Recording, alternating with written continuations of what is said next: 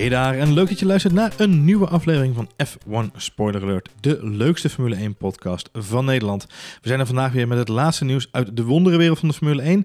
Mijn naam is Johan Voets en ik ben hier zoals altijd samen met Marjolein. Hallo. Hey, hallo Marjolein. Hey, um, er zijn een hoop dingen waar we het vandaag over kunnen, moeten en willen hebben. Um, maar volgens mij is het maar één ding waar we het echt even over moeten hebben. Dat is de belangrijke nieuwe regels voor 2021. Was zelfs een live persconferentie vandaag, Johan. Dat was een livestream. Van de FIA. Kun jij je voorstellen in een wereld waarin Bernie Ecclestone nog aan, het, uh, aan het, uh, de leiding had gestaan van deze organisatie, dat er een livestream zou zijn geweest van deze persconferentie? Het was wel een unlikely uh, set of people. Ik zag mensen online die de vergelijking maakten met het Songfestival. Oh. Maar dan, zeg maar, in de hoofdrollen hadden we natuurlijk Jean Tot. Jean Tot. En uh, Chase Carey en Ross Braun onder andere zaten daarbij. En Nicolas, ben even zijn achternaam vergeten. Hups Flups. Um, ah, je wil Nicolas Hups Hups Flups. Ja. Um, maar goed, het was een unlikely combination of uh, hotemetoten uit uh, onze favoriete autosportklasse, de Formule 1 die uh, ja, achter een soort desk zaten. We zien dit in de voetballerij wel vaker. Ik heb een paar maanden geleden, twee maanden geleden, nog zitten vergapen ja. aan het via, hoe heet dat ding? Het UEFA gala. Oh ja, dat uh, spelen van het jaar gala of zo. Oh my ja, ja. god. In de voetballerij heb je wel vaak... En, en dat ze de loting van de Champions League gaan bepalen. Oh dat ze van die balletjes hebben, weet je wel? dat ze in zo'n vissenkom zo van die balletjes aan het grabbelen van, van zijn. warme en dan, balletjes, ja. Dat zijn ook altijd... Maar het, het stomme van dat soort evenementen is altijd dat je de hotemetoten, de bobo's, de mensen die die sport vormgeven, die zeg maar te oud zijn om zelf nog aan de sport deel te nemen, maar nog wel een rol willen hebben, die, die krijgen een rol daar. En zo, dat gevoel had ik vandaag ook een beetje bij, dat die heren allemaal achter zo'n deskje waren gezet en dat werd dan uh, live uitgezonden. Maar uh, ja, goed, het was natuurlijk wel informatief en goed om even te volgen. Leerzame ervaring. Maar ik moet zeggen, als je het niet hebt gezien, dan heb je er ook weinig aan gemist. Precies, want gaat het vooral niet zitten terugkijken. nee, want je bent nu toch al naar ons aan het luisteren en wij gaan het er ook uitgebreid over wij hebben. gaan even, even heel snel een recap geven van die nieuwe regels 2021. Even een recap. Marjolein, de belangrijkste regel waar ik mee wil beginnen, voordat ik mijn draaiboekje erbij pak, want jij weet, net zoals ik, dat het draaiboek wat wij maken gewoon altijd een wandelroute is. Um, uh, belangrijkste waar jij, waar jij mee uh, wilde beginnen, en vond ik echt wel een is de motoren blijven hetzelfde. Ja, dat is grappig. Dat was eigenlijk uh, helemaal na afloop van de persconferentie, die bijna een uur duur, duurde, was er een uh, journalist en die stelde de vraag: Hey, joh, even een vraagje. Er was vooraf, zeg maar, de afgelopen jaren een hoop te doen over die nieuwe motoren 2021, want alles zou op de schop gaan komen nieuwe motoren. Dat was de grote verandering. De V12 zouden terugkomen volgens Vettel, toch? Ja, dus, nou ja, nee. Maar de, het zou van alles gaan gebeuren aan die motoren. En dat zorgt er ook... Hè, niemand van de topcoureurs heeft op dit moment nog een vast contract. Want ja, wat gaat er met die motoren gebeuren? En wie heeft dan de beste? Nou, lang verhaal kort. Aan de motoren gaat in 2021 helemaal niks veranderen. Nee. Dus dat hebben de teams goed met elkaar weten te barricaderen. Ross Brown heeft dat nog wel even toegelicht. Hij zegt dat komt uh, eigenlijk als volgt. Uh, we zijn naar die motoren gaan kijken en toen kwamen we tot de conclusie dat de huidige Formule 1 motoren, motoren eigenlijk al helemaal optimaal zijn qua zuinigheid en qua prestaties en qua nou, alle specs die ze moeten hebben, die zitten nu al in die motor. Hij zegt ja, dus alles wat we er nu aan zouden veranderen, zou eigenlijk ja, het verminken zijn van die motoren. Dus dat gaan we niet doen. Ja. Dus op zich wel goed gemotiveerd. Ja, goed onderbouwd. Toch? Nou ja ik, ja, ik kan me daar ook wel een beetje in vinden. In de zin van ja, als je die beter kan doorontwikkelen, waarom zou je er dan aan Het gesloten is wel sneu, want het betekent inderdaad wat je zegt. Nou, V12 zou er sowieso niet gekomen Nee. zijn. Maar eh, ja, mochten er nieuwe motorenspecs komen, dan, dan is dat natuurlijk wel leveling the playing field, om het maar zo te noemen. Dan, gaan, dan gaat alles op de schop. En dat is dus nu niet het geval. Dus bij Mercedes en bij Ferrari zullen ze toch even de handjes hebben geknepen. En toen ze dit uh, maanden geleden natuurlijk al hoorden. Uh, dat zij zich geen zorgen hoeven te maken. Uh, dat er dingen anders moeten of anders worden. En bij Honda zullen ze opnieuw zich gerealiseerd hebben. En Renault en andere teams. Dat ze gewoon keihard aan de bak moeten. Om die topteams nu bij te gaan benen. Jawel, maar wel dat ze dus niet de keuze hoeven te maken om van voren aan opnieuw te beginnen. Wat Nee. natuurlijk Honda in principe al een beetje gedaan heeft de afgelopen twee jaar. Yep. Of de afgelopen jaar sowieso. Het is ook wel weer een voordeel. Dat zo, en dat ze op zich bezien dan weer wel. Ja. Hey, um, laten we even met de obvious uh, uh, kan beginnen. Ik wil niet oppervlakkig zijn, maar laten we gewoon even met het uiterlijk beginnen. Hè? Ik wil niet oppervlakkig zijn, maar ik doe het lekker toch? Nou, ik, Ik- moest... Ja, Ik, ik heb in mijn draaiboek staan beter uitziende auto's. Vraagteken, uitroepteken, vraagteken, uitroepteken. ja het is al, als je nieuwe Formule 1 auto's ziet, dan is het altijd even wennen, want je bent gewend wat je had en wat je ervoor terugkrijgt is een beetje weird. Ik moet zeggen, ik vond eh, de ze hebben natuurlijk van die renders gemaakt vanuit uh, via zelf. En ze hebben ook uh, trouwens, uh, die kunnen we wel even deze delen op Twitter. Een video waarin dan die nieuwe auto helemaal gedem gedemonstreerd wordt. Maar dan zie je een 3D-render van hoe dat ding eruit moet zien. Als je hem zo ziet, werd ik er niet heel enthousiast over. Maar wat wel grappig is, aantal teams uh, alle teams waren natuurlijk op de hoogte van dat dit uh, gepresenteerd zou worden, zijn hier ook allemaal in betrokken geweest. Een aantal teams hebben al een eigen render gemaakt van die 2021 auto met hun eigen livery erop. Dat waren onder andere Williams, die waren geloof ik als eerste met het poster daarvan. Uh, Renault, die heeft daar een screenshotje van gedeeld. En ook McLaren deelde wat later op de avond ja, de, de livery van, ehm, van, die ze nu hebben. Dat oranje met dat blauw. En dan op de nieuwe auto. En ik moet zeggen, met name die van McLaren, die zag gewoon super vet uit. Komt ook dat mooie oranje-blauw natuurlijk, onderaan streep. Ja, nou ik, kan, nou, ik kan niet zeggen dat ik de huidige McLaren echt een prachtauto vind. Ik hoop nog steeds dat ze straks met uh, Mercedes natuurlijk teruggaan naar die zilverpfeilen. Of mijn persoonlijke favoriet, het wit-rood van destijds uh, Marlboro. Dat is natuurlijk echt iconisch. Maar, uh, maar goed, het ging me niet eens zozeer om die kleuren, maar gewoon de render zoals hij daar stond. Kijk even op Instagram, want op het McLaren channel staat daar een plaatje van. Uh, ja, dat, dat, dat, ik moet zeggen, ik werd er wel enthousiast van. Wat mij opviel, wat, het deed me een beetje, de, het, de auto's worden compacter als je ze zo ziet. En ik zag Max Verstappen, die gaf ook vandaag een persconferentie. En er werd ook gevraagd van, wat is jullie eerste reactie op deze nieuwe auto? Max Verstappen, nou, hij is vooral heel erg klein. Maar dat kwam omdat ze daar een modelletje hadden een staan. Modelletje hadden staan. maar ik moet wel zeggen, als je de render ziet van de 2021 auto, ik vind, ik, het lijkt wel een compacte auto. Hij is heel aerodynamisch, het allemaal hele ronde vormen Ronde vormen inderdaad. Laat, uh, ik heb even de als je de voorkant ziet, dat is een beetje een gekke neus. Ja, maar het ziet, niet, het ziet er heel raar uit. Hij is niet zo gek als die neus van Mercedes nu. Dat is alsof iemand gewoon een neus heeft gepakt en daar met een hamer op geslagen heeft. En dat is dan zo'n ronde... Ja, nou, de, de, de, de voorvleugel bijvoorbeeld, die is, die is helemaal gecurved. Een soort ja. OLED-curved television aan de voorkant hangen. Ja, even de, de specs op een rijtje inderdaad. Dat is misschien wel makkelijk om ze even door te nemen. De, de auto's zijn dus inderdaad behoorlijk aangepast. De voorvleugel uh, is gesimplificeerd aan de voorkant en is een stukje kleiner geworden. De achtervleugel is daarentegen weer wat groter geworden. Uh, er komen 18 inch banden op met een met laag profiel met weinig profiel. Dus lekker veel velg, als je van mooie velgjes houdt. Um, de auto's worden standaard 25 kilogram zwaarder. Uh, dat komt mede ook door die grotere wielen. Um, uh, Met wielkappen? Uh, ja, dat is, ja. dat is even het puntje ja. dat ik even opvallend vind. Uh, in het voorstel wat er is gemaakt, staan er ook wheelcovers, oftewel wielkappen. Ja. of wieltoppen, natuurlijk heel omschrijven. Ja, dat is, dat is op zich wel een raar gezicht voor Het is een raar gezicht. los daarvan, wat ook is voorgesteld, maar nog niet is goedgekeurd, is dat ze daarin LED-schermen willen verwerken, LED-displays. Dus die roteren. Dus op het moment dat je dus dan, nou, dus dat bij een fiets, die fiets ook wel eens tegenwoordig gebeuren, dat er dan een animatie ontstaat omdat het wiel draait en dan op het LED wordt dan een animatie getoond. Zodat ze de mensen in het publiek wat meer informatie kunnen geven. Ik vind het, het is hier onzin, joh. Ik vind het heel gimmicky. Ja. En um, daarnaast niet heel erg interessant. Wat ik wel interessant vond is dat um, de wheelcovers wel worden genoemd. Maar in, uh, en in het model wat in de persconferentie staat ook wel te zien is. Maar op de officiële renders die F1 gebruikt in de persuitingen. En in de renders van McLaren en Williams niet te zien is. Bij Renault weer wel. Met andere woorden, volgens mij is die wheelcover ook nog niet helemaal duidelijk wat daar nou het verhaal van is. Joh, dit is gewoon, wat ze vandaag laten zien, is natuurlijk ook gewoon een beetje een conceptcar. Precies. Dus, uh, en je ziet dit ook op de autoshow in Genève altijd. Het zijn allemaal leuke dingen. Hele glooiende lijntjes en zo. Dat viel me ook altijd op. Maar kom, er is nog niet één auto zo echt gebouwd. Weet je, hij staat er nog niet. Dus Deze is... auto bestaat nog niet. Nee. En uh, wat je dus ziet is computer uh, uh, ja, versie van wat, hoe het er dan uit moet zien. Nou, heel veel glooiende lijntjes, maar we weten allemaal. Het is knap lastig om dat zo ook in de praktijk te maken. Dus stel je zo voor dat die auto's straks er gewoon weer echt wel weer een tikkie anders uitzien dan, dan deze model. Ja, ja en, en van die wheelcovers.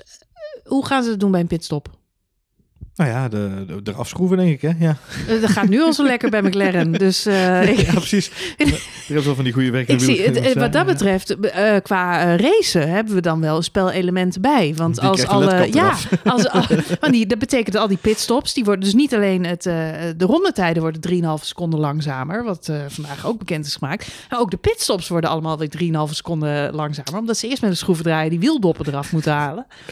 dat gaat allemaal mis, joh. Ik zie allemaal mis. De, de eerste een, een safe release waarbij er een wieldop... Uh, ja, niet is teruggeplakt. En dan kunnen die ledschermen niet getoond die worden. Die gewoon zo over de baan. Weet ja, als de ledschermen niet getoond kunnen worden, kan de race niet doorgaan. Jij zegt zelf al even terecht, inderdaad, deze aanpassingen zorgen voor een aantal veranderingen. De grootste mhm. aanpassing die natuurlijk genoemd wordt, die waar het veel over gesproken is, is het beter kunnen volgen van elkaar, hè? achter elkaar aan kunnen mhm, racen, mhm. daardoor ook meer inhaalacties kunnen maken.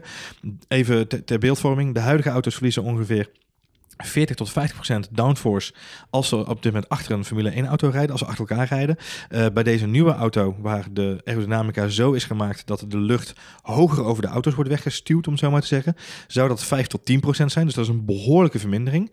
Tegelijkertijd zeg jij terecht, de, de, de aanpassingen zorgen er ook voor dat de auto 3,5 seconden per rondje ongeveer gemiddeld afhankelijk van de circuit natuurlijk, maar per gemiddeld langzamer zal worden. Ja, dat is wat nu voorspeld wordt. En uh, Ross Braun die was hier redelijk uitgesproken over. Die kreeg hier ook veel vragen over. Hij zegt, uh, wat verhaal eigenlijk is, wat ik niet zo goed begrijp achteraf...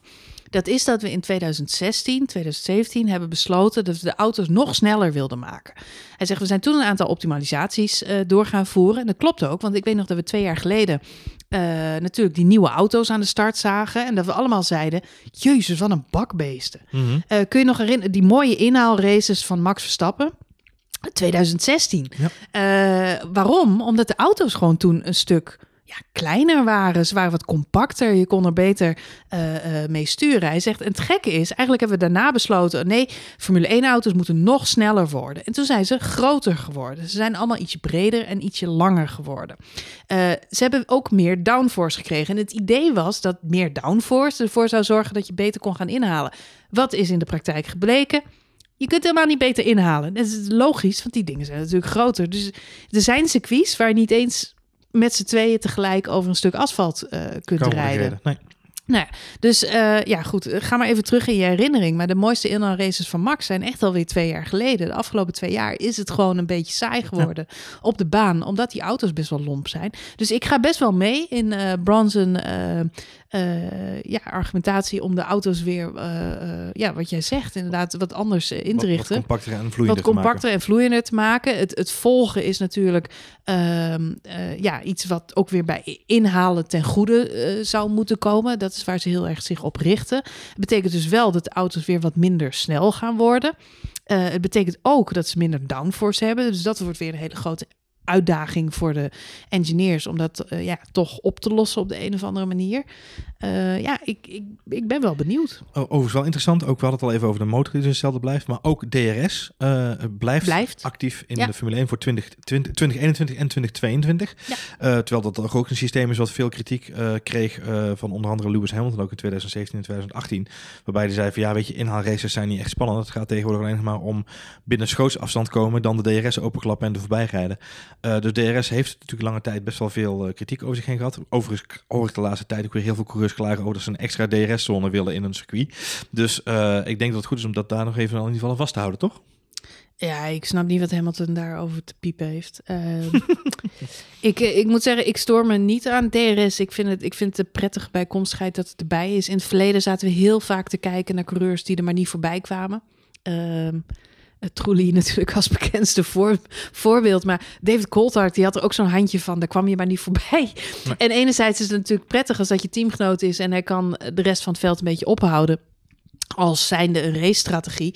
Maar om heel eerlijk te zijn, ik ben wel blij dat de coureur die op dit moment echt sneller is op de baan, uh, een manier heeft om ook voorbij een, een achterblijven te komen. De enige momenten dat het een beetje tricky is, is nou ja, de situatie met Ocon bijvoorbeeld uh, vorig jaar met Max Verstappen.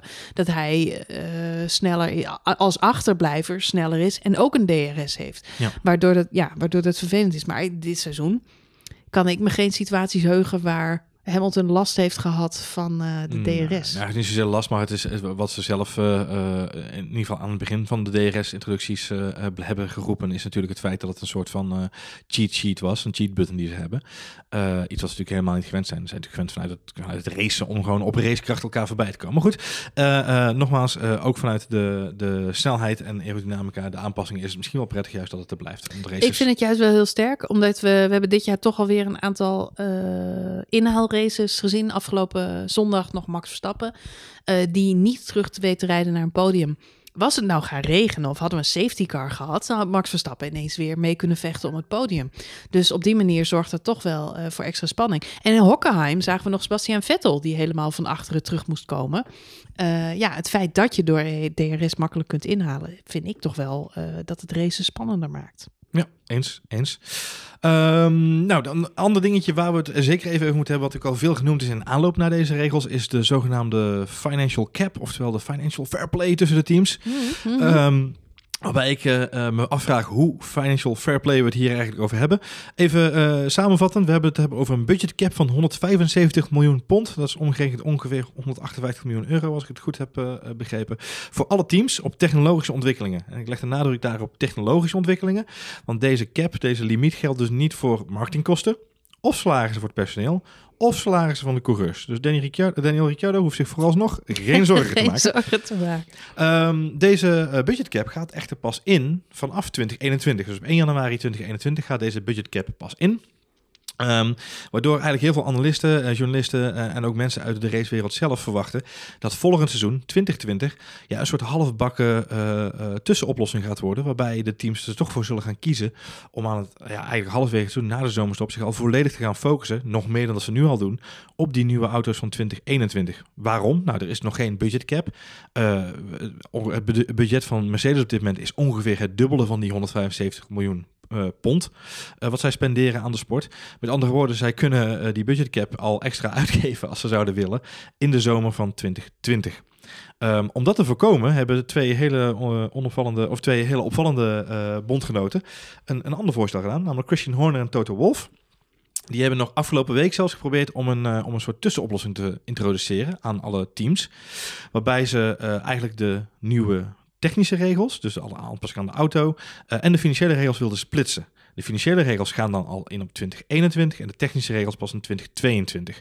Nou, wat creëer je daarmee? Eigenlijk een soort tussenoplossing waarbij uh, alle teams 2020 nog moeten uitrijden ja, binnen de huidige, uh, zoals het nu is, hè, de 2019 specificaties zou ik willen Mhm, zeggen.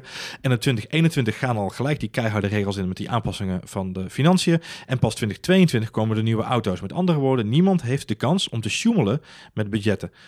Nou, helaas. Dus moet ik zeggen, helaas tussen air quotes in dit geval. Want uh, Christian Horner en Toto Wolff kwamen hier pas deze week mee. Zijn ze daarmee iets te laat? Want dit voorstel kon niet meer worden meegenomen in de uh, reglementen zoals nu zijn opgesteld. Oh. Ja, je vraagt je bijna af uh, of ze ermee gewacht hebben tot op het juiste moment, zullen we maar zeggen.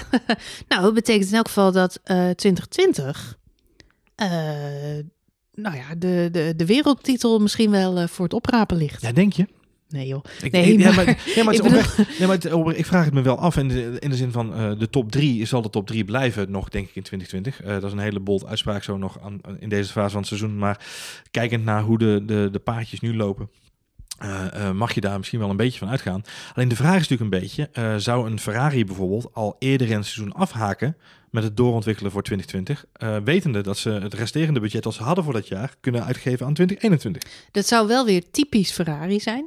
Of Red Bull, Marjolein. nee, hè? maar, nee, maar dat, ja, ik, zie, ik zie Ferrari ervoor aan. Maar om heel eerlijk te zijn, als ik even gewoon als als manager van zo'n team zou ik het toch behoorlijk stupide vinden om een heel seizoen weg te gooien. Door al helemaal met 2021 bezig uh, te gaan. Tuurlijk, als je een groot budget hebt, dan, uh, dan kan dat. Want mm -hmm. dan kun je twee teams naast elkaar opereren. Maar ja, vergeet niet dat in 2020 ook er gewoon weer iets voor het oprapen ligt. Ja. Wat je wel even moet binnen harken. En hetzelfde geldt een beetje voor, voor Mercedes. Uh, we zeggen altijd wel van nou, die hebben kat in bakkie en die, die staan er hartstikke goed voor. Dat komt allemaal wel goed. Maar ja, wat nou als zij ineens besluiten van... De, oh nee, 2021, we moeten nu echt voor... Dan zijn ze weer de focus kwijt. En weet je nog in Hockenheim? Mm, Hè? ja, Netflix. Ja.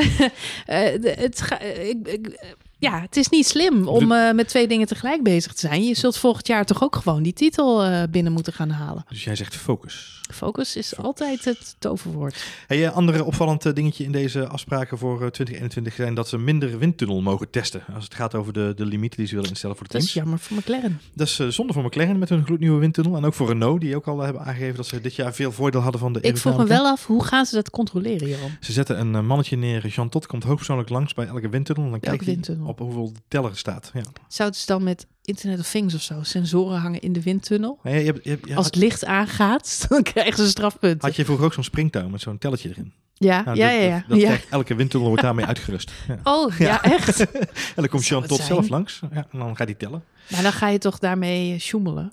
Eh, ja, nou ja, goed. Het, het verhaal is, het gaat de teller terugdraaien. Ja, inderdaad, Bij, bij ja. oude, bij Ja, oude net zoals mijn auto. Ja, precies.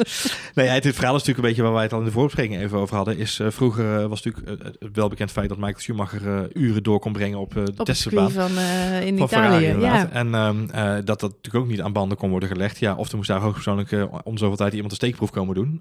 Ja, goed, dat gaan ze hier. Ik weet niet hoe ze dat gaan, gaan standaardiseren, maar dat wordt lastig. Ik ben er benieuwd naar. Nog even, en de coureurs mogen niet meer in de sim-racer zitten. Dat zou nog wel leuk zijn. Ja, nou, ik denk niet Dan dat komen ze in protest, denk ik. Dan gaat Max Verstappen voorop en die zegt, ah, no way. Ja, je kunt je wel afvragen hoe lang dat... Als je ziet hoeveel data ze nu uit die sim halen, is het wel een oprecht eh, een, een vraag Ja, wat, dat, wat wordt zich gaat voordoen. Dat, Ja. dat, gaat, dat zich nu al voor. En mag Als- de PlayStation dan nog wel of mag de PlayStation dan niet? Of, ja, Mag ik nog wel op mijn iPhone de Formule Ja, 1 game spelen? precies. Mario Eh, Kart, mag dat nog? Dat is lastig. Lastig, Ja, het is, ja, Mario Kart is wel topsport, Marjolein. dat bedoel ik. Eh nou ja, het is wel, als je je realiseert dat Max Verstappen natuurlijk heeft verklaard naar aanleiding van de setup in Japan, dat ze een eh, fout hadden gemaakt in de, eh, in de sim. Dan, ja, dan die sim gaan we wel spelen. Hey, ehm, snel even door, want er is nog genoeg eh, nog te bekijken rondom die reglementen. Ehm, eh, hoofdstukje 4, 3 van dit hele verhaal is eh, meer standaard onderdelen en meer limieten op het vervangen van onderdelen. En ik vind altijd alles waar meer voor staat, vind ik leuk, totdat er limieten bij komen. Meer limieten. Ja, dan is niet meer leuk. meer limieten Ja. is nooit een goede zin in de marketingwereld. Meer bier. Nee, Meer ja, limieten. Goed. En het is Ehm, grappig, want in de reclame is het juist minder limieten. Ja. Minder. Misschien, ja goed. Nou, goed. Ehm, er worden een aantal aerodynamische tweaks aan de auto eh, gelimiteerd. Om te voorkomen dat er een, eh, ook hier weer een soort van financiële wedloop gaat ontstaan. Wie kan het meeste geld spenderen aan het R&D van die, van die eh, aerodynamica-updates aan auto's. Ehm, het ontwerp van de versnellingsbak zal aan het begin van het seizoen ook worden bevroren. Om dezelfde reden. Zodat mensen niet Mag constant je blijven niks meer aan doen. Dus Nee. je moet één besnel- versnellingsbak maken. Voor de rest van het En seizoen. that's it. Ja. Als hij ruk is, dan is je seizoen naar de kloten. Ja, volgens mij is het, ik weet niet precies hoe, dat nou, eh, hoe ze dat nou ook weer gaan controleren en gaan uitvoeren. Ehm, en daarnaast is er nog niet gesproken over het standaardiseren van de versnellingsbak eigenlijk. Maar goed, Ehm, daarnaast worden bepaalde onderdelen eh, nu eh, helemaal standaard aangeleverd. Waaronder dus de, de wheelcovers, wordt dus hier gezegd. Dus dan hoop, ik wel Die dat ze, krijg je, dan hoop ik wel dat ze daar gaatjes in doen, dat de mensen ook de schroefjes eruit kunnen inclusief de schroevendraaier om ze eraf te wippen. Eh, maar ook de benzinepompen eh, voor de auto's worden dus nu gestandaardiseerd. Ehm, andere onderdelen, zoals bijvoorbeeld de remblokken, mogen niet meer ongelimiteerd worden vervangen. Wat ik een beetje tricky vind, want je wilt er als team niet gaan spenden. Gaan Vrij essentieel onderdeel van de raceauto. Zo Max, je ging daar rechtdoor. Uh, wat gebeurde daar precies? Ja, die mochten we niet vervangen. Ja, was dit of een, was dit of een gridstraf? Ja. Het was of de helft van het veld mee uit Grosjean, die gaat hier heel veel profijt van hebben volgend jaar. Ehm, goed, eh, wat we al gezegd hebben, de, eh, de regels rondom motoren blijven zoals ze zijn. Eh, dit was natuurlijk al een tijdje bekend. Ze willen niet meer motoren in de pool toevoegen, dus dat ze meer motoren mogen vervangen. Ehm, sterker nog, er wordt zelfs iets toegevoegd aan de, aan de limieten hier, namelijk het uitlaatsysteem. Mhm. Ehm, de teams mogen nog maar zes keer een uitlaatsysteem vervangen voordat ze ook daarvoor een penalty krijgen. En dat zal dan waarschijnlijk ook in de vorm van een gridstraf zijn. Met andere woorden, less is more, of eigenlijk more is more. In ieder geval minder onderdelen en meer kans op penalties. Kunnen we samenvatten. Ja, er werden heel veel eh, van dit soort dingen ook een beetje op dezelfde hoop geveegd in die persconferentie. Mhm. Waar alle mannen die aan het tafeltje zaten het namelijk nogal veel over hadden, was dat Formule 1 ook een voortrekkersrol heeft als het gaat om duurzaamheid. En zij eh benadrukten allemaal dat Formule 1 natuurlijk sowieso al niet de meest duurzame sport eh, ter wereld is. Vind ik wel een goede timing ook, zegt dit onderwerp. Ja, door het rondreizende reizende circus wat Formule 1 überhaupt is. Ehm, maar dat zij eh, wel een voortrekkersrol kunnen nemen in bepaalde innovaties en evoluties. En dit past daar ook een beetje in. Dus zij, zij grepen eigenlijk het thema duurzaamheid aan om naar hun eigen hand te zetten. Zo van, weet je wat? Ze mogen gewoon allemaal minder onderdelen gebruiken. En dat is ook een manier om eh, te besparen. van alles. Dus we besparen op de onderdelen, Marjolein. En vanuit daar gaan we dan door naar 25 raceweekenden. Ja, dat is dan weer Super haaks, logisch. haaks op. Weet je wat? We doen gewoon zuinig. bewering. Eh, eh, eh, Max en Co, als jullie nou even rustig aan op die remblokjes. Ja. Dan gaan wij naar nog eens drie andere Ja. steden vanaf 2021. Ik moest hier echt verschrikkelijk om lachen. En ik moest ook lachen op Twitter, zag ik mensen reageren. En echt de allergrootste Formule 1-fans die, die ik ken, eh, die zeiden zelfs 25 races in het jaar is echt te veel. Dat is wel heel veel. Dat is, een jaar heeft 52 weken. Eh, dus 25, dus dat betekent dat je elke twee weken een race hebt. Hmm. Als, je het hele, als je het hele jaar zou racen. Ja. Ehm, dat is natuurlijk niet zo, want je, je moet een winterstop hebben. Ja. Of we gaan ook in de sneeuw racen. Wat natuurlijk ook Was, zou eh, zijn. Ja, enerzijds, ik vind het super gaaf. Maar ik Max ben, een voorsprong. Dat heeft hij al een keer gedaan. ja, ik ben het heel erg met Max Verstappen eens. Die laatst ook al zei van... Wij zijn geen, wij zijn geen circus, weet je wel. Ene- enerzijds zijn ze dat wel, want Formule 1 is natuurlijk altijd al sinds mensenheugenis circus. inderdaad Ja, een rondreizend circus. Van al die mensen die betrokken zijn bij deze sport. Maar aan de andere kant, het zijn ook gewoon eh, mensen. En dan heb ik het niet eens alleen over de coureurs. Eh, die vaak, wat vaak jonge jongens zijn. eh, die, nou, we hebben er nu een hoop twintigers tussen zitten. Maar goed, die doen het misschien 15 jaar of zo. En dan stoppen ze er weer mee. Maar je hebt ook eh, teambazen. Je hebt die engineers. En je hebt PR-dames. En je hebt de journalisten. En je hebt, je hebt zo verschrikkelijk veel mensen die in die sport werkzaam zijn. En ja, je kunt niet van die mensen verwachten dat ze het he ja, Een half jaar van hun leven opofferen ja, aan nou, sport. nou, een half jaar, Hm. eh, g- zeg maar gerust bijna al hun tijd van het jaar aan het rondreizen zijn. Dus dat is super heftig. Ehm, Chase Carey die werd ook eh, gevraagd. Die kreeg een vraag van, eh, goh, eh, 25 races, is dat niet wat veel? Eh, toen zei hij, eh, toen benadrukte hij, eh, ik geloof dat hij wel 10 minuten aan het woord was om te benadrukken, dat het absoluut niet de bedoeling was dat er 25 races kwamen in 2021. Hm. Absoluut niet maar de hij wil bedoeling. het wel graag op papier hebben. Maar hij wilde het wel graag op papier hebben, zodat het eventueel nog een mogelijkheid was. Nee, hij begon weer heel veel over Zandvoort. En dat dat Zandvoort was natuurlijk het mooie historische circuit. Waar de nostalgie van de sport hing. En Hmm. enerzijds wilde hij dat heel graag. En anderzijds Vietnam, wat natuurlijk nieuwe mogelijkheden biedt. En heel vernieuwend is voor die Formule 1 kalender. Hij zegt, en dat is exact waar we naar op zoek zijn. Die combinatie van nostalgie en anderzijds eh, vernieuwing. Aan de andere kant hebben we ontzettend veel circuits waar we super tevreden over zijn. Dus we hebben dit jaar heel veel races net nieuw verlengd. Eh, dus ja, dat betekent wel dat we een beetje een uitgang en een achterdeurtje wilden hebben. Dat we nog wat nieuwe toffe dingen kunnen aanhaken. Ja. Maar hij zegt, kwaliteit gaat bij ons altijd boven kwantiteit. Eh, dus het is wel belangrijk eh, Nou ja, en ja, daarna- en dat goede races zijn. Daarnaast hebben we deze week nog meegemaakt hoe moeilijk het kan zijn om een, om een cir- circuitje toe te voegen aan de kalender. Hè? Dat weten ze in Miami en Zandvoort intussen ook. Dus we zijn er Oh, nog niet zomaar. We zijn er, je bent er niet zomaar als je Formule 1 race wil organiseren. Hey, een van de dingen die, eh, die Chase Carey ook noemde, hè, na aanleiding van deze discussie, de aankondiging dat ze eventueel zouden kunnen gaan uitbreiden naar eh, 25 races, is ook gevoed door het feit dat ze nu al vanaf 2021 eh, standaard de raceweekenden gaan inkorten. Ehm, wat gaan ze doen? Eh, ze gaan de persconferenties op donderdag. De, op donderdag de, draven vaak de teambazen en de coureurs al op voor de eerste persconferentie, zo ook vandaag weer toevallig. Ehm, die gaan naar vrijdagochtend voor de eerste vrije training. Daardoor eh, vervalt de donderdag, eh, het donderdagprogrammaatje vervalt voor de heren van de Formule 1 Ehm, en de dames. Ehm, de auto's gaan ook overigens vanaf volgend jaar moeten ze al voor de eerste vrije training op vrijdagochtend in race test setup getest worden. Waardoor dus inderdaad, dat gebeurt nu op een ander moment, waardoor ze daar al wat meer eh, eh, tijd kunnen winnen. Ehm, vervolgens gaat ook het vrije trainingsstuk gaat op de schop. Ehm, de auto's gaan namelijk nu in Park Vermee voor, eh, voor de kwalificatie. Met andere woorden, na de kwalificatie mogen de teams niet meer aan de auto komen. Staat hij in race setup, om het zo maar even te zeggen. En vanaf 2021 zal dat gebeuren voor de vrije training, de derde vrije training. Met andere woorden, ze missen een volledige training om nog te tweaken en te draaien aan de knopjes daar waar nodig is. Ja, dit noemen ze in het bedrijfsleven ook wel een eh, reorganisatie. Ja. Waarbij het eigenlijk zo is dat 20% van het personeel ontslagen wordt.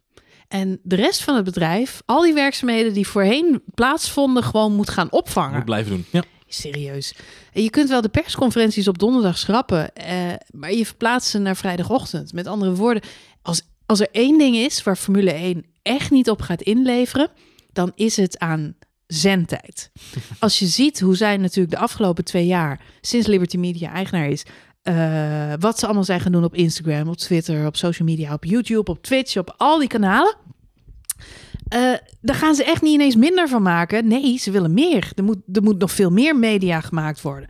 Dus eh, als ze die donderdag gaan schrappen, dan komt dat op vrijdag weer terug. Of dan moeten er weer ergens anders persconferenties gegeven. Ik moet nog steeds aan Vettel denken, die in Suzuka heel erg blij was dat die hele zaterdag ineens vrij was. Eh, omdat hij pole position pakte. En toen werd hem na afloop nog gevraagd: Was je blij met je pole position? En hij zegt: Nou, er was niet zoveel tijd om ervan te genieten. Want eh, de persconferenties die werden gecanceld, dat was wel fijn. En eh, daarna moest ik me natuurlijk gewoon klaarmaken voor de race. Dus je zag me echt een beetje shinen. Zo van: Ah, geen media. Weet je, natuurlijk. Mhm, mhm. Dat is, wat, dat is de dream. Ja. Maar trust me, als Liberty Media één ding niet gaat doen, dan is het minder persconferenties organiseren. Dus Nee. Eh, ze- wat ze doen is die donderdag wordt wel geschrapt en er wordt wel wat eh, vrije training, moet je in race set- setup komen. Maar ja, dat betekent nog steeds dat de teams gewoon al dat werk in drie dagen moeten proppen in plaats van dat ze dat in vier dagen konden doen voorheen. Dus ik denk onderaan de streep dat het niet zo heel veel uitmaakt. Tuurlijk, er zijn regels dat je dan op donderdag niks mag doen. Eh, maar ja, dat betekent gewoon dat er op vrijdag veel harder gewerkt moet worden. Ja, in dit geval eh, de, de scrutineering heet dat met een mooi woord. Hè? Dus dat is het Ja. checken van de race setup van de auto. Dat gebeurt nu dus al op donderdag eh, inderdaad. En dat gaat dus nu naar de vrijdagochtend. En anderhalf uur voor de eerste vrije training moet dat eh, gedaan zijn.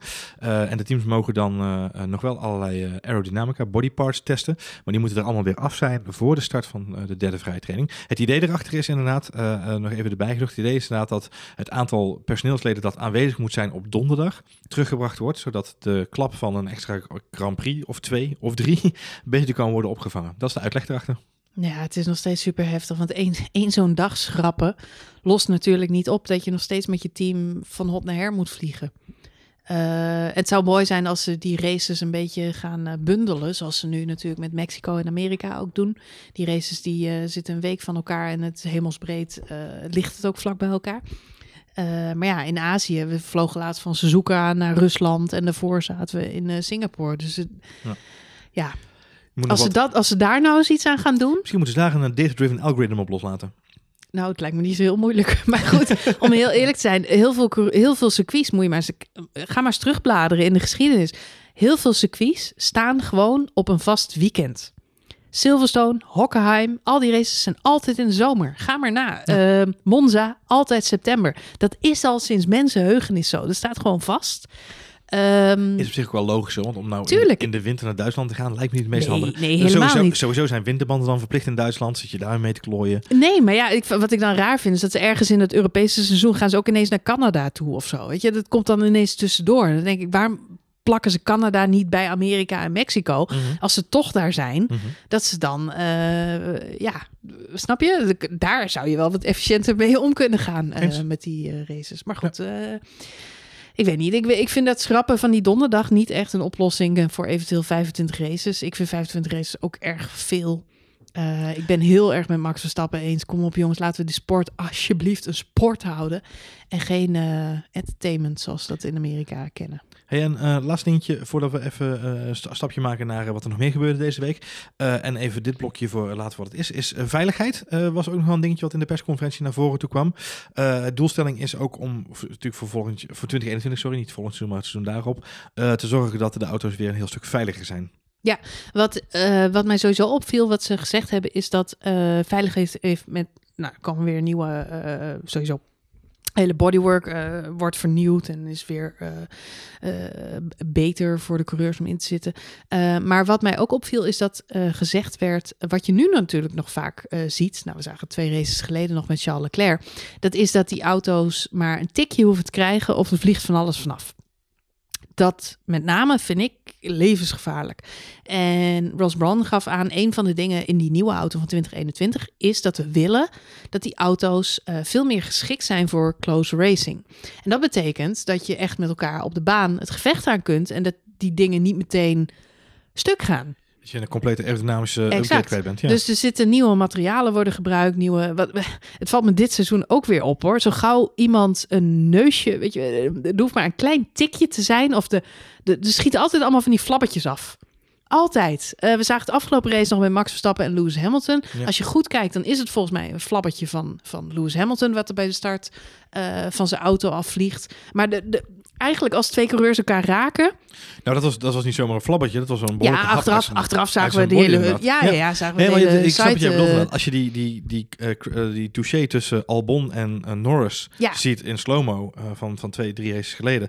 In slow-mo, dan denk je echt, mijn hemel, die auto wordt dan stukken gereten Terwijl het Ja, en, en ja. het is voor de kijker ook best wel lastig te volgen. Want de ene keer heeft het totaal geen effect. We zagen in Suzuka zagen we Max Verstappen uitstappen. Omdat hij 25% van zijn downforce, Downforce kwijt was. Ja. Eh, Oké. En nu zagen we hem met Lewis Hamilton aan de stok krijgen. En daarna natuurlijk een lekke band. En reed hij gewoon lachend nog steeds hartstikke goede rondes. Ja. Ik zit als kijker, zit ik heel vaak dat ik denk, nou, is het erg schade? Of is het... ik, ja, ik weet het niet. Ik, ik was best verbaasd dat in Suzuka ineens weer uitviel. Omdat het gewoon voor geen meter meer ging. Nee, klopt. Eh, dat, is ook, dat is een specifieke situatie die ook genoemd werd hè, vandaag in de, in de media outlets rondom ja. deze, deze eh, informatie. Dat is zo'n situatie als Verstappen in Japan. Eh, en overigens de setup met Sim was in Singapore. Ehm, de setup van, van het probleem van Japan was inderdaad, dat, dat wilden ze dus gaan voorkomen in de toekomst. En dat een specifiek voorbeeld wat ze ook noemden. ja, nou ja, goed. Dus dat zou op zich goed zijn. En daarnaast, eh, nou, close racing is natuurlijk alleen maar in ons vo- Nederlandse voordeel. Eh, om maar even namens de Max Verstappen fanclub te spreken. Eh, want daar houdt Max van. En, en eigenlijk onderaan de streep niet alleen Max, maar wij allemaal. Houden niet van autootjes in volgorde rijden, toch? Dat denk ik niet, anders kijk je geen Ik Formule wil 1. het zeggen.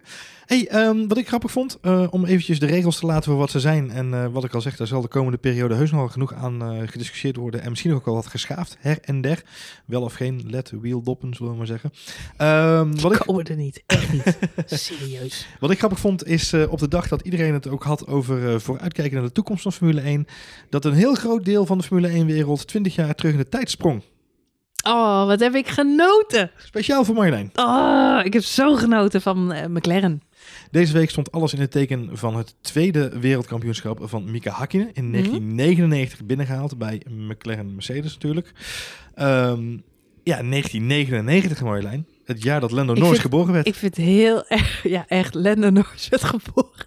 Ik zat gewoon eh, in mijn pyjamaatje en mijn badjasje voor de televisie 's ochtends vroeg.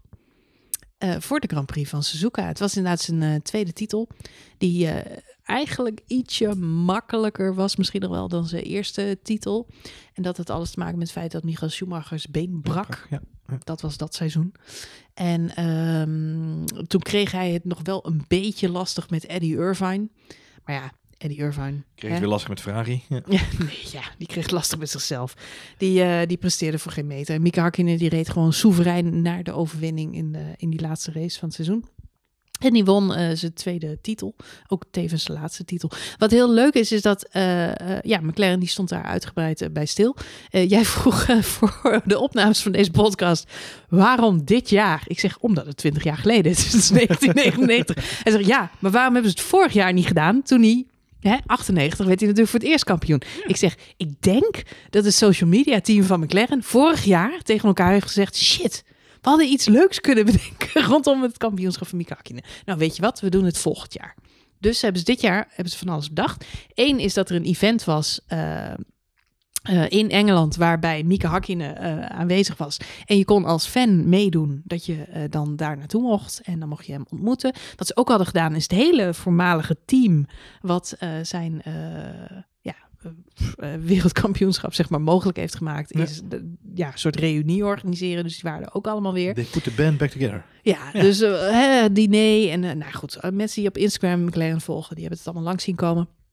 Maar een van de leukste dingen, daar heb ik echt heel erg om gelachen, is dat ze vandaag dus een soort eh, trip down memory lane. Dus ze hebben zowel op Twitter als op Instagram hebben ze een eh, soort story gemaakt alsof het weer 1999 was. Dat zien we natuurlijk vaker. De NOS heeft eh, momenteel een website rondom de bevrijding van Ja, Nederland Nederland, live.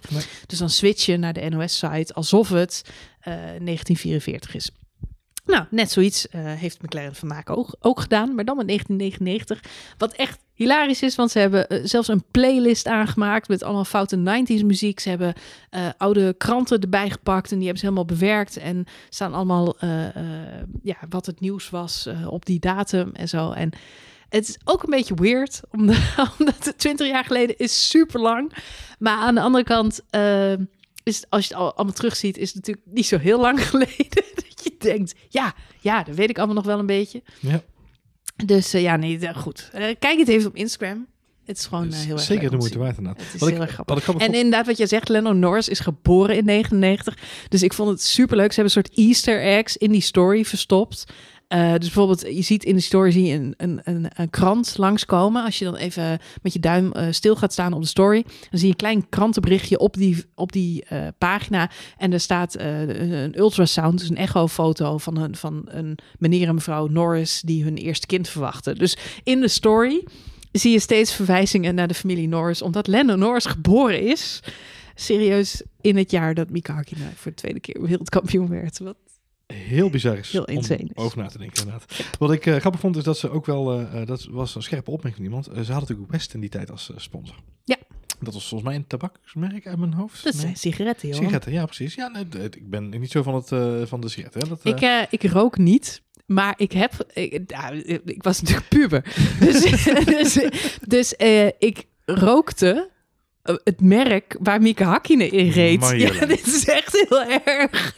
Maar dit is dus goed dat tabaksreclame verboden is. Maar als ik dan uitging, ja, dan moest ik eerst Marlboro hebben mhm. en toen West.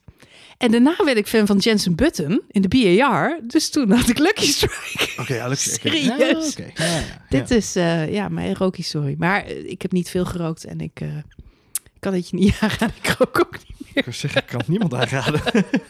Nou, maar erg hè? Eh, Ah, nee, het, gaf, ja. het gaf wel hele mooie auto's. Eh, ja, Toch? maar wat dus opviel is dat dus in alle uitingen van vandaag eh, het logo is weggefotoshopt van West. Oh echt? Ja, dat, dat was een, Oh, dat mag natuurlijk een niet. oplettende persoon die zei alle op de oude auto, op de auto en ja, zijn helm. ja, ja. is een foto dat hij koffie zit te drinken, zogenaamd met zijn helm ernaast en, en, en, een, en een koffiemok. En daarin is het logo ook weggefotoshopt. Dus het was een oplettende, oplettende volger. Nou, het is heel goed, want, want 15-jarige Marjolein die ging dat dus gewoon roken, omdat ze dacht dat het cool was omdat er een Formule 1 auto stond. Dus eh, het is goed dat tabaksponsoring niet meer mag. Gelukkig rook jij nog steeds geen Red Bull. Dat drink je dan weer wel. Dus daar zou je dus ook mee maar- moeten stoppen. Maar je rookt het niet. Slecht, slecht. Ja, nee, vooral over je longen Red Bull is echt heel slecht. Eh, nou, als we het dan toch over slechte dingen hebben eh, in het gezondheidsblokje van Marjolein. Genoteerd. Eh, vandaag ook op so- social media Carlos Sainz en Lando Norris. Als we het hebben over McLaren. Carlos Sainz en Lando Norris. We hadden een commercial voor. Coca-Cola. Moet je ook niet over je longen roken. Nee, het is ook heel slecht voor je. Maar wel lekker. Wel leuk. Ja, nou. Nee, ja, ik zag ze gisteren op Instagram. Ik moet sowieso heel erg lachen om Norris. En eh, Carlos Sainz op Instagram, want ze, ze zitten samen in een auto en dan zitten ze muziek Nou, op. hilarisch. Oh, Ja, nee, ja, ik kan er heel hard om lachen. Maar goed, binnenkort dus ook te zien in een Coca-Cola commercial. Die is opgenomen ergens in Amerika. dat hebben ze deze week gedaan. En is het een, eh, een beetje, want jij zit er bovenop eh, als de even goeds van de Instagrams. Hm. Eh, is het, een, eh, is het een, eh, een, een wereldwijde campagne of is het alleen in Ja, dat weten we allemaal niet. Maar het is wel het is in Amerika opgenomen. Ik vond het wel opvallend. Ik vind het ook opvallend. Voor een Engelsman en een Spanjaard. Het is een begin van een slechte mop dit. Wat, eh, Zit er een Engelsman en een Spanjaard in een auto? Nou, wat even in de brede zin, wat ik wel grappig vind. Ze proberen natuurlijk Formule 1 heel erg te laden daar in Amerika. Dan zou je zeggen, schuift die Lewis Hamilton nou eens naar voren. Want die wil ook heel graag beroemd worden daar in Amerika. Die is helemaal nergens te vinden. Die zit in New York. Die zit in New York. Ja. Die zit vanuit de taxi een beetje eh, Lekker. skyscrapers te filmen. Lekker te uberen. Ja, gaat helemaal nergens over. Eh, terwijl al die andere coureurs dus echt een beetje als een soort eh, eh, ja, toeristen in Amerika worden rondgereden. En eh, eh, ja, daar ja, ook wel kun je zien onder de indruk zijn van, van, van dat land natuurlijk. Maar ik ben heel benieuwd, worden zij dan... Is het de bedoeling dat zij supersterren worden? Waarom zit zij in een Coca-Cola reclame? Is het voor de. Europese markt? Is het voor de Amerikaanse markt? Dat, Wat, dat is een hele gerichte vraag, Marjolein. ja, dat weet Is het, niemand. is het voor een banner op motorsport.com? Kan ook. Kan ook. Nee, Coca-Cola is natuurlijk sponsor van, van het team van McLaren. Dus ehm, eh, dat zal een onderdeel zijn van, het, eh, van het eh, samenwerking die ze hebben. Maar hoe ze dat dan willen vormgeven, Joost mag het weten. Wat ik grappig vind is Carlos Sainz en Lando Norris vullen mooi het gat op wat Daniel Ricciardo en Max Verstappen hebben achtergelaten Echt, met hun, serieus. met hun bromance. Ja, Wat ik wel weer grappig vind is dat Max Verstappen en Daniel Ricciardo hun bromance weer aan het oppakken zijn. ja. En ze waren natuurlijk nu weer samen in, in Hollywood deze week. We hebben natuurlijk al een aantal momenten met ze meegemaakt voor de camera, onder andere bij, bij Olaf Mol. Ehm, maar ook eh, eh, voor de internationale Formule 1 eh eh, journaaien. Sky Sports afgelopen week nog na Mexico. Waarin ze samen gebbend en grappend en rollend wat dingetjes voor de camera opnamen. Maar nu waren ze afgelopen woensdag ook in, op Hollywood te, in Hollywood te vinden. Op Hollywood Boulevard moet ik zeggen. Eh, voor een demo vanuit Formule 1. En ook daar was Daniel Ricciardo weer bezig om eh, ja, Max Verstappen een beetje te sarren. Onder andere had hij een... eh, een Pranken, joh. had een, pranken. nou, het was niet een prank, het was Dat meer een een beetje sarren. Het was een prank, het was niet herhaalde, niet echt in de maling. Het was meer een, Oh. grap, een, ge- een gebbetje was het. Een gebbetje. Waaronder een foto van Max Verstappen waarin hij lijkt op een cartoonfiguur had hij op zijn auto geplakt. En dat soort geintjes. Daniel Ricciardo en Max Verstappen. Grote broer, kleine broer, zeg ik maar zeggen. Zij waren samen met, als je het hebt over toeristen in Amerika, Alexander Albon. ja, die was voor het eerst van zijn leven in Amerika. Ja, hij, hij noemde het zelf, uh, this is my first proper visit to America. Dus ik vraag me altijd af wat een improper visit to America is. Ja, dat weet ik ook niet. Is hij dan in een cargo vlucht meegegaan Oh. met iemand en, en vervolgens weggesmokkeld naar Colombia of zo? Ik weet het ook niet, maar... Nee, Het maar was ook de eerste keer dat hij donuts ging draaien. dat was grappig inderdaad, ja. In de Ja. Formule 1 auto neem Ja. ik aan. Hoop ik. Hoop ik. Voor hem. Maar in het algemeen zou heel gek zijn. Anders is het raar dat Christian Horner hem überhaupt Hier heb je de, heeft sleu- hier heb je de sleutels. toegestaan. Ja, Christian. Horner was er zelf ook bij. Dus hij is wel met eh, de jongens meegereisd eh, om daarheen te gaan. Nee, er was eh, inderdaad ja, Los Angeles, Hollywood Boulevard, een Formule 1 event. Niet heel veel anders dan we al vaker dit soort events hebben gezien. In, toen wij in Oostenrijk waren, een paar dagen daarvoor, heeft Max Verstappen in Graz, die nog op, met zijn auto rondgereden, helemaal Die naar het kasteel. Ja, naar boven toe. Ja. Dus ze doen wel vaker van dat soort eh ja, straatevenementen om natuurlijk de lokale bevolking een beetje enthousiast te maken over de sport. Eh, maar wat wel opvallend is, is dat ze vandaag toch best wel een indrukwekkende line-up hadden van Max Verstappen en Alexander Albon, Daniel Ricciardo en ook Valtteri Bottas. En niet zomaar Bottas, maar Bottas 2.0. Bottas 2.0 Met baard met baard en fietsbenen. en petjes. En petjes. Hij had fietsbenen, want hij is wezen fietsen, zag ik. Hij is zeker wezen Hij fietsen. had een mooi toertje was uitgekozen. een van de... Nou, serieus. Valtteri Bottas. Ja, daar gaan we, dames en heren. Nee, ja, maar Moet ik, gewoon... een, moet ik een zwoel muziekje opzetten? Of, eh, Nee, maar ik vind het echt. Het is een van de leukste Instagram-accounts die ik volg. Dat is waar. Omdat het gewoon eh, eh, heel leuk is wat die gast doet. Hij gaat heel graag fietsen. En hij was nu inderdaad samen met een vriend en eh, zijn vaste fotograaf... gewoon op een racefiets gesprongen en is hij door Californië gereden. grappig, de En- meeste mensen hebben een vriend die goed kan fotograferen, maar hij heeft een vriend en een vaste fotograaf. nee, hij heeft, eh, nee, hij, was, hij heeft een eh, vaste fotograaf die ook Nee, een vriend klopt. van hem ik is. was, Dus ook ik was vanavond ook even borrelen hier in, eh, in de stad. En toen was ik samen met een vriend en mijn vaste fotograaf. En je vlogteam. En straks ga ik even, eh, nou ja, ik moet even kijken, misschien nog even de stad in gaan. Dan heb ik ook, ja, mijn vaste fotograaf altijd bij me. Je weet hoe idioot het klinkt, hè Marjolein? Ja, maar dat hebben al die gasten, een vaste fotograaf. Een vaste fotograaf. Max heeft En Victoria. een camera. Daar, Ja, dat is waar. Die heeft zijn zusje. Dat Ja. is wel, maar dat is ook weer typisch Nederlands. Hè? Wat zijn we lekker gewoon Hmm. gebleven. Ik heb geen vaste fotograaf. Ik heb gewoon mijn zusje. Lewis Hamilton heeft een team, een Een squad. team. een Nee, wat, wat het leuke is aan, uh, aan Valtteri Bottas uh, onderaan de streep is, um, denk ik, wat het zo leuk maakt. Uh, niet alleen Valtteri Bottas, maar ook Kimi Räikkönen, dames en heren, die deze week in ja, Amerika West Coast was. Choppers. Met West Coast Choppers en kledinglijn lanceerde. Kimi-stijl, gewoon met Ja. vlammen en bier en, en gratis, gratis bier vooral. Ja, daarna was En hij met een paar Mexicaanse schoolkindjes was hij aan het knutselen. Dus Dronken en wel. Contrast kon niet groter zijn. Uh, misschien dat het niet helemaal goed getimed was qua social media account. Zou kunnen, hè? Je weet het niet. Of ja, goed, je weet het, je weet het niet. Je weet het niet. Maar wat het leuke is... Het is- nee, want ik denk dat het twee van Kimi's favorite things zijn. Om West Coast met- Choppers met tatoeages en Knutselen met bier. Mexicanen. ja. Eh, Mintu, wat ik wil doen is knutselen met, met Mexicanen. een workshop met kleine kinderen. Ah, dat, Hij is wel echt gek op zijn kids. ja, zijn eigen echt. kids misschien wel. Ja, dat weet ik niet. Op deze kids leek hij ook. Hij lachte. Zo vaak zie ik Kimi Dan lachen. is het waarschijnlijk na dat West Coast event. Was je dat denk ik, ja. Hey, ehm, en wat ik wilde zeggen is, eh, het, het leuke van Valtteri en, en ook van Kimi, ehm, en vind ik ook van Lando Norris overigens, eh, en, en voor Max en account eigenlijk ook. Het verschil met bijvoorbeeld een Lewis Hamilton is eh, eh, eh, voornamelijk dat Lewis Hamilton het vooral gebruikt om zijn Dr. Phil boodschappen de wereld in te slingeren. En, het nogal serieus neemt dat hij daar doet. Terwijl ehm, eh, deze coureurs waar we het net over hadden, gewoon een, een leuk fotootje delen. En het leuk vinden en het goed vinden om iets te laten zien. En het grappig vinden om content te maken. En dan is er altijd nog Sebastian Vettel. Die geen social media heeft. Nee. Ook lekker ontspannen. Wat zou Sebastian, Sebastian Vettel deze week gedaan hebben, Johan? Sebastian Vettel is gespot in Austin. Eh, Ja, eh, en he- heb ik hem gezien bij een lokale Ferrari-dealer. Daar ging je een Oh, ja? ophalen. Ja, want dat is het probleem. Hè? Dus er zijn dus een heleboel Sebastian Vettel-fans online. Ja. En die retweeten als een malle alle foto's die ze kunnen vinden van Sebastian Vettel. Het probleem is als je niet dus zelf als aanwezig je bent. niet op social media je zit, gevonden. hij heeft een soort trail achter zich aan. Want ik volg Yes. ook een paar van die accounts. Ja. En die, die twitteren dus gewoon alles waar hij gespot en gesite wordt. Een soort Sebastian Vettel Je hebt- sightings je- je hebt- account. je hebt van Best die wel freaky. Je hebt van die mensen die op zoek gaan naar eh, cadeautjes in de wereld met GPS-tracking, Ja, ja, ja. geocaching. Geocaching, Je hebt ook ja. Sebastian Vettel caching. Ja. zijn mensen die op zoek gaan naar Sebastian Vettel in de wereld. dat is echt serieus. Nou, de En eerste als, ze, plek... en als ze hem vinden, dan moeten ze hem openmaken en iets in, een- in zijn... in, in zijn binnenkant in zijn schrijven. logboekje In schrijven. zijn logboekje schrijven en dan terug. En dan loggen ze dat in een app. Oh. Vettel Cash noemen ze het ook wel. Super cool. Het schijnt echt heel populair te zijn onder Duitsers. Hebben ze al gekeken op de lokale kartbaan? Want daar zal hij waarschijnlijk te vinden zijn. Dat zou zomaar kunnen inderdaad. Mario Kartbaan. Ja. Leuk.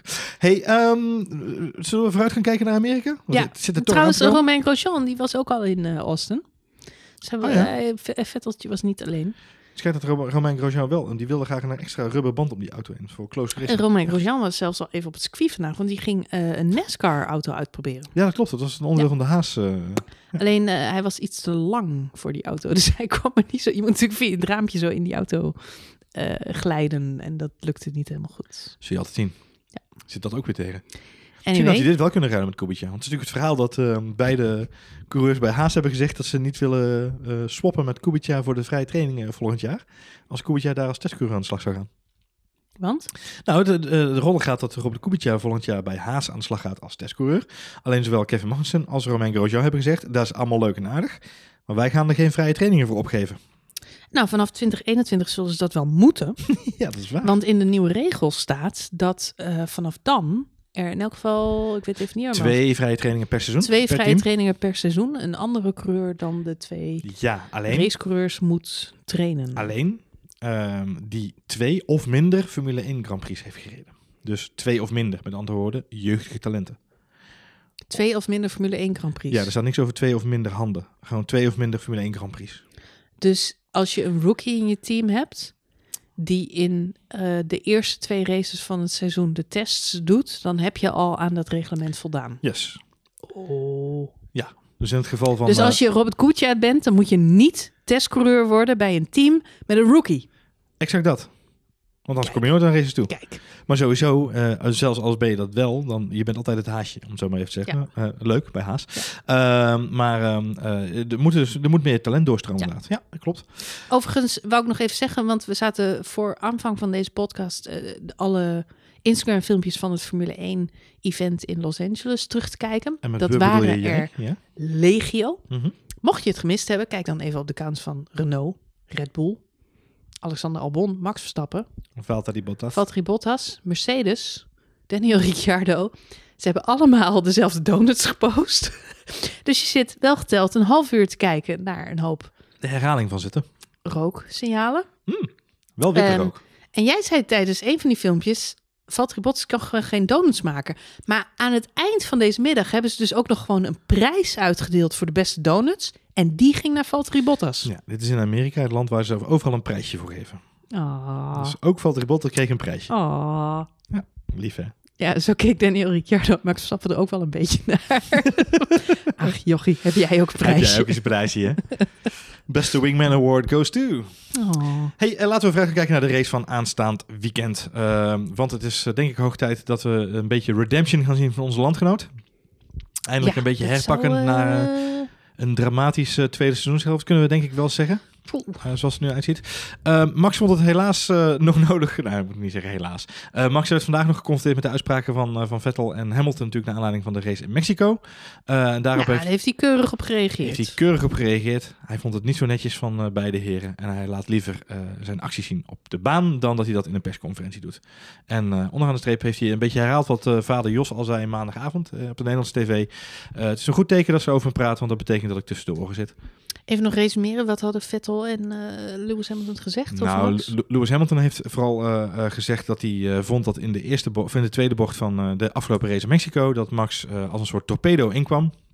Eh, hij was, Is hij eh, het woord torpedo gevallen? ja, dat ben ik nu even aan het nazoeken, want ik Oh. heb, het, het wordt wel zo gequote overal. eh, maar ik heb nog niet de, de Formule 1 perscode nagepakt. Daar had ik nog helaas nog geen tijd voor gehad. Maar dat is evil, hè? Want heeft Daniel Kvyat gewoon een copyright op. copyright op inderdaad. Ja, dat is een infringement. zomaar Dat is gewoon- een infringement op een trademark. van de trademark. En dat in het land van de copyrights. Dus, ja, Lewis Hamilton moet op zijn woorden gaan letten. Exact dat. Nou, eh, eh, of het woord exact zo gevallen is, laat ik even minder. Maar zo'n beetje alle media, en dat gebeurt natuurlijk nogal veel in, eh, in eh, de autosport dit moment. Alle media he- hebben dezelfde regel eh, gebruikt. Ehm, hij schijnt te hebben gezegd dat hij als een soort torpedo leek in te komen. Eh, heeft hij natuurlijk nog later aan bijgedraaid met ik denk niet dat hij het meende, maar het is wel zo gebeurd. En uiteindelijk heeft Lewis Hamilton daar nog aan vastgehouden dat hij zei bij sommige coureurs, ehm, sommige coureurs gaan heel slim om met de marges die je ze geeft en andere coureurs die zijn wat minder slim en die hebben Dit meer is ruimte Ook nodig. echt een plaat die, op, die blijft hangen. Eh, Lewis Hamilton zegt elke keer hetzelfde over Max Verstappen. Ja, hij neemt te veel risico. Ja, hij neemt te veel risico. Wat denk je, gast? Hij moet wel in een auto die niet zo goed is als de jouwe. Wees blij dat er nog iemand risico neemt. Lo- Los daarvan eh, eh, heb je twee kampen, of drie kampen eigenlijk. Mensen die zeggen, nou, Hamilton heeft helemaal gelijk. Nou, daar hoort heel weinig eh, mensen horen daar per direct heel erg bij. Eh, je hebt een groep mensen die inderdaad zeggen wat jij nu zegt. eh Joni zo zeiken en eh, het is een plaat die blijft hangen. En een hele hoop mensen die ook denken dat het inderdaad... Wat vader Jos Verstappen dus maandag al zei bij, eh, bij Ziggo. eh, Lewis Hamilton is eh, vooral bezig met mind games en met, eh, met woordspelletjes. En eh, het feit dat Max tussen de oren zit bij deze coureurs... geeft aan dat hij, eh, dat hij op die manier wordt bejegend. Eh, en ik, ik van hetzelfde laken pak, eh, denk ik eigenlijk wel een beetje. Van Hamilton is het wel bekend. Hij zei hetzelfde vorig jaar toen eh, met het incidentje van Ocon, waar we het nu ook weer, eh, of net ook weer over hadden. Toen zei hij hetzelfde over Max Verstappen. Hij is altijd de eerste om te zeggen, ja, je neemt wel veel risico en als je meer ervaring hebt, dan neem je dat risico niet. Wat mij heel erg opviel, afgelopen race, ehm, eigenlijk zien we Hamilton al een he- heleboel races geen risico meer nemen. Met name als hij achter ehm, Charles Leclerc zit. Dan zien we hem daar natuurlijk een beetje achter hangen en niet te voorbij steken. En nu viel mij bij de start in Mexico direct op: Hamilton laat hem staan. En eh, dat kan twee redenen hebben. Eén, hij is beu, dat gepiepel met Max Verstappen en Charles Leclerc altijd. Die, die ja, hem in de weg zitten eigenlijk, letterlijk, om overwinningen en misschien potentieel om wereldkampioenschappen, wat de media altijd ervan maakt. Ehm, dus kan zijn dat hij beu is. Aan de andere kant heb ik ook al vaker het gevoel gehad dat Mercedes bij eh, de Red Bull-auto's wat meer risico durft te nemen dan bij de Ferraris. Omdat ze weten dat de Red Bulls, en met name Max Verstappen, nog wel eens een straf daarvoor krijgen. Eh, en de Ferraris natuurlijk niet. Die komen overal mee weg. Mm, vind ik lastig, omdat het inderdaad, het is, ik, ben, ik kan me bijna niet voorstellen, omdat eigenlijk het betekent dat risico nemen heeft ook te maken met je eigen race verprutsen of niet. En dat is waar we, we hebben het al eerder gehad vandaag over, als je elkaar raakt, de kans op schade is heel groot. Ja. Eh, dus eh, het, eh, sowieso risico wel of niet nemen, het kan je zomaar je race kosten. En Lewis komt nu gelukkig door. Het was in elk geval opvallend dat inderdaad juist wat Lewis Hamilton in deze comments zegt is... als je wat meer ervaring hebt, dan ga je het risico een beetje uit de weg. En dan weet je dat je later in de race nog wel er voorbij kunt... en alsnog kun, ja, de de plek kunt terugpakken of wat dan ook.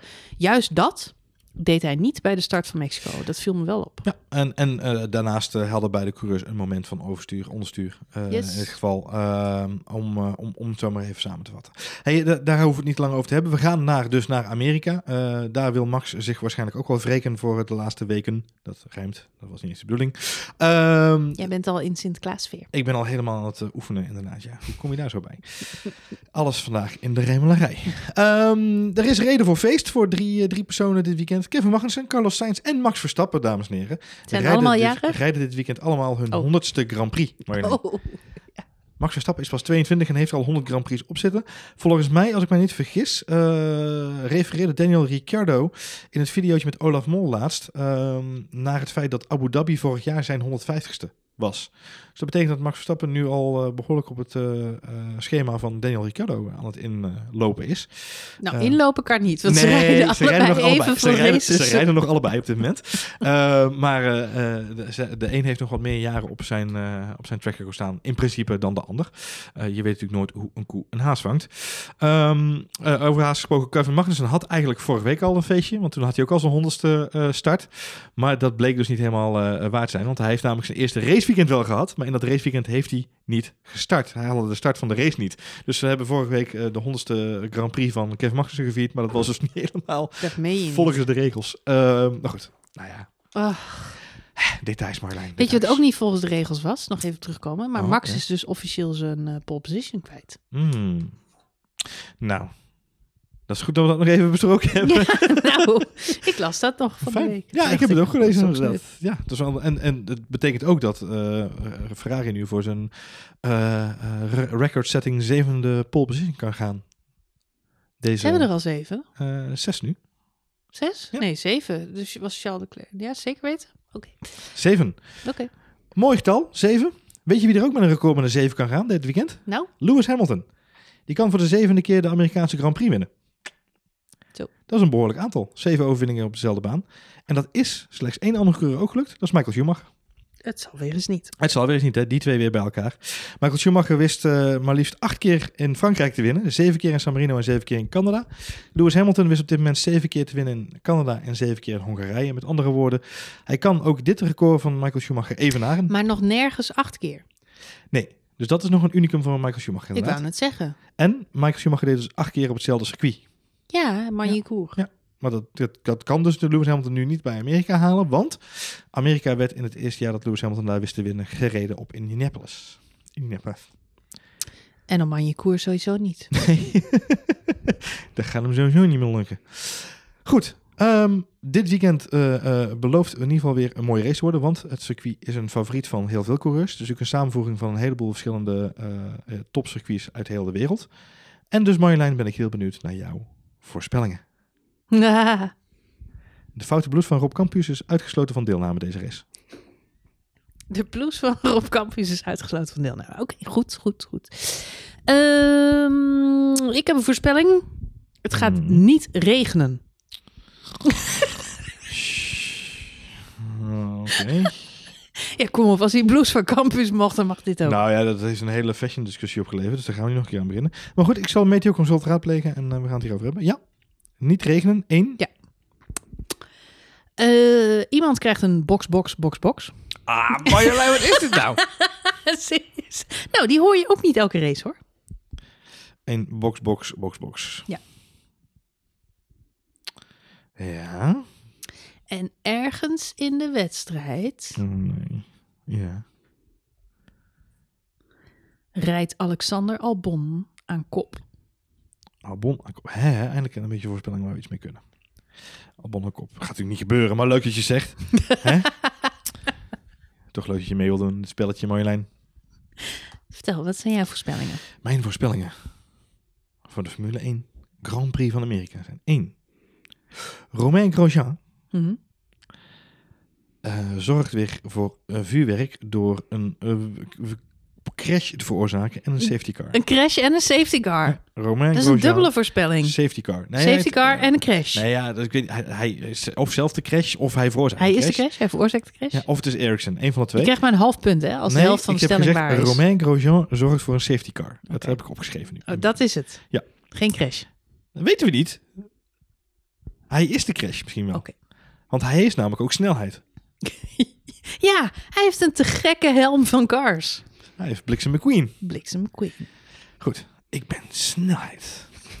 Zou Ehm, hij dat tegen zichzelf zeggen als hij in die auto zit? Voordat hij naar het toilet gaat. Ik ben snelheid. Ja, focus, focus Romain, focus. Ehm, even kijken. Nummer drie. Eh, oh nee, nummer twee. Shit, ik probeer er eentje van te spelen. even kijken, de voorspellingen.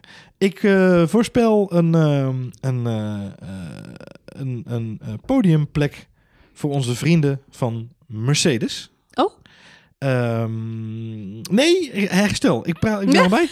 Ik voorspel een wereldtitel voor Lewis Hamilton. nou ja. Zo, jij een makkelijke, ik een makkelijke. Zo. Eh, dames en heren, voor alle duidelijkheid. Lewis Hamilton mag achtste worden als Bottas de race wint. En dan nog Ja. is Lewis Hamilton wereldkampioen. Dus Ja. ik denk dat dit een redelijk veilige score gaat worden. Ehm, eh, nummer drie is, ik verwacht op zijn minst één howdy partner van Daniel Ricciardo in een interview. Dat is een goeie. In plaats van een enchanté, geven we een howdy Enchanté. partner. Dat Nou, waren mijn voorspellingen. De- voorspelling. Heb je er een beetje zin in, Marjolein? Ja, ik heb er wel zin in. Alhoewel ik nog steeds moeite heb met het feit dat het nergens meer om gaat. Raar, hè? Ik vind dat wel raar, ja. Een rare gewaarwording. Het is wel, eh, ja, het is entertainment, maar het blijft wel raar dat het nergens meer om gaat.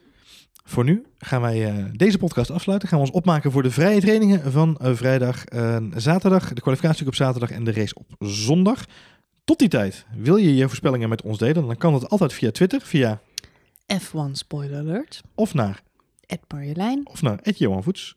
Eh, we zijn altijd benieuwd naar de voorspellingen. De leukste zullen we eh, meenemen in onze review van de race aankomende zondag. Lijkt me leuk om te doen. De voorspellingen. Ja, de voorspellingen van onze we- dus Ja. als jij meer van dit soort eh, briljante voorspellingen hebt, zoals bril- ik zojuist gedaan heb, Ja, of nog betere. of nog betere liefst, Kan, bij voorkeur. kan misschien wel. Er is ruimte voor verbetering, zullen we maar zeggen, dames en heren. Ja. Hebben jullie leuke voorspellingen? Deel die met ons via Twitter, dan proberen we ze mee te nemen. Charles Leclerc is kort van stof over de boordradio. Charles Leclerc houdt het helemaal stil de boordradio. ja. Ja. dat lijkt me een goede inderdaad. Goed. ehm, tot die tijd eh, is het even afwachten wij zijn. Wij zijn de zondagavond weer met de review van F1 Spoiler Alert. Uiteraard. Ja, nee, niet van de, dit is de review van F1 Spoiler Alert Marjolein. Uiteraard. Het F1 Spoiler Alert. Dit is echt de beste afkondiging Ooit, ooit, ever. ooit. Goed. Wij zijn er aanstaande zondag weer. Voor nu bedankt voor het luisteren. En tot de volgende aflevering van F1 Spoiler Alert.